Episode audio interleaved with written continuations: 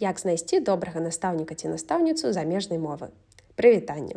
Гэта Іна, вы слухаеце прамовы на мове, падкаст пра вывучэнне замежных моў, роднай мовы і лінгвістыку. На папярэднім тыдні не было новага эпізода падкасту, таму што мы святкавалі з маім мужам, сябрамі, сям'ёй мы святкавалі 10 год з даты нашага вяселля, десятгадовую гадавіну. І ну не было ў мяне часу, ніяк не атрымалася у мяне запісаць новы эпізод, таму ён выходзіць сёння, а не ў папярэднюю пятніцу. Um, ну вось. Сёння я расказваю пра тое, як знайсці добрага настаўніка ці настаўніцу замежнай мовы. Нагадаю, што я сама з'яўляюся настаўніцай ангельскай мовы. А, ну як з'яўляюся, зараз я не выкладаю, таму што падчас магістратуры гэта складана па розных прычынах. Але да таго, як пачаць вучыцца ва ўніверсітэце ў кёльне, а я зараз там вучуся і да таго, як я пераехала ў нямметчыну, я выкладала. Два гады я папрацавала ў віцебскім дзяржаўным універсітэце, але гэта было вельмі далёка ад маіх уяўленняў аб тым, якой павінна быць добрая праца і таму я пачала працаваць на сябе. Так я працавала каля 5 гадоў. Спачатку выкладала індывідуальна і дадаткова ў розных моўных школах некалькі гадзін на тыдзень. А потым адкрыла іп і выкладала ў групах і нават прадавала курсы пра свой блог у нстаграм калі я скончу магістратуру таксама планую вярнуцца да выкладання дык вось як знайсці добрага настаўніка ці настаўніцу замежнай мовы? Таму што звонку калі ты сам не з'яўляешься настаўнікам гэта зрабіць час ад часу складана. Ну як мне выбраць добрага сантэхніка. Я ўпэўнена што і у вас быў ужо негатыўны досвед. У мяне самой ён здараецца рэгулярна калі я шукаю для сябе настаўніц нямецкай ці гішпанскай мовы Яны то хатнія заданні не даюць, то адрываюцца падчас урока, то толькі граматыку мне пхаюць. Э, так што я ўсе правілы ведаю, размаўляць не магу. Шчыра кажучы, са мной складана, канешне, асабліва таму, што я сама настаўніца і вельмі крытычна разглядаю тое, як працуе чалавек. Зрэшты, не думаю, што гэта так уж дрэнна. А, ну добра, добрага настаўніка можна спазнаць па некалькіх крытэрыях. Па-першае, я мала сустракала добрых настаўнікаў без адукацыі. Таму пацікаўцеся, ці нейкім чынам э, знайдзіце сведкі пра адукацыю настаўніка, якога разглядаеце.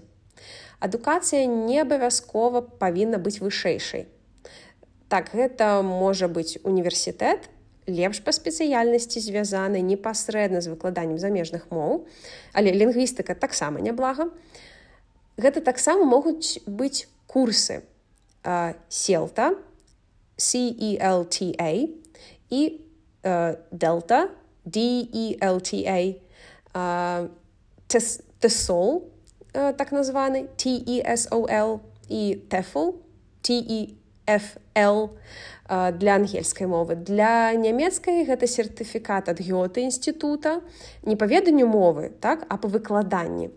Uh, ад uh, Deutsche Welle гэта так, нямецкая хваля так? ці тест DAF тест DAF DAF. Для той мовы, якую вы плануеце вывучаць, ёсць некалькі сертыфікатаў, якія настаўніца магла атрымаць. Э, так ёсць сертыфікаты э, для кожнай з моў якую вы плануеце вывучаць ось я назвала э, тыя які ёсць для ангельскай ці нямецкай мовы але ёсць і для іншых моў вы можете даведацца ці ёсць у вашага настаўніка вось сертыфікаты якія і пагугліць іх. У мяне ёсць свае думкі наконт сертыфікатаў і што у іх ёсць дрэннага а ў іх ёсць дрэннае але іх наяўнасць гэта хутчэй добры паказчык калі ў настаўніка няма ніякай адукацыі вось аніякай увогуле ні універсітэта ні сертыфіката. Часцей за ўсё гэта будзе так сабе настаўнік. Акрамя іншага гэта дзіўна што чалавек не жадае не спрабуе атрымаць адукацыю сваёй прафесіі. Ну дзіўна так? Нават калі сам прачытаў усе кнігі нішто не можа замяніць зносіны з дасведчанымі выкладчыкамі і іншымі студэнтамі можа так здарыцца іншымі студэнтамі я маю на ўвазе іншымі студэнтамі настаўнікамі можа так здарыцца што настаўнік якога вы разглядаеце сам мае вялікі досвед без адукацыі такія таксама ёсць Вось з вялікім досведам выкладання таксама мамыць яны а, неяк маюць гэты досвед з іншымі настаўнікамі што у іх ёсць зносіны з іншымі настаўнікамі яны неяк абменьваюцца досведам. Некаторыя вось гэтых людзей сапраўды добрыя настаўнікі але гэта хутчэй выключэнне і надзвычай рэдкая сітуацыя.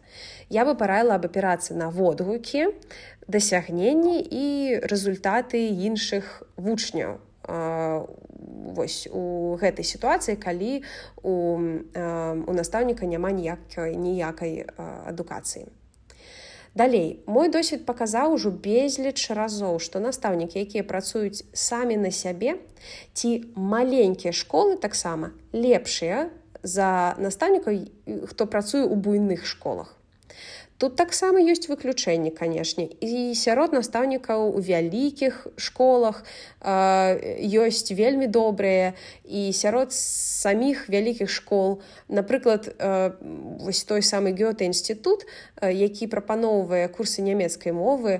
Э, курсы там даволі дарагія, але таксама добрай якасці. Большасць буйных моўных школ у любой краіне свету губляюць якасць прапарцыянальна свайму памеру. На гэта ёсць свае прычыны, такія як рост адміністрацыйных коштаў, коштаў на аренду, рэкламы, адначасова неабходнасць канкурыраваць з іншымі буйнымі школамі, павялічваць колькасць вучняў, зніжаць цэны.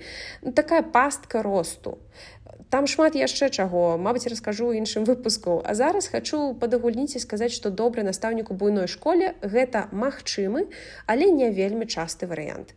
Я раю шукаць настаўніка фрылансера з садсеткамі адукацыяй добрымі водгукамі ці ісці ў такую ж маленькую школу. Ці таксама ў буйную школу з добрай рэпутацыяй дарагімі курсамі і сертыфікацыяй настаўнікаў Па-трэцяе, паглядзіце, што робіць настаўніца на першым занятку ці да яго. Настаўніца, якая валодае неабходнымі ведамі і адказна ставіцца да сваёй працы, абавязкова зробіць наступнае.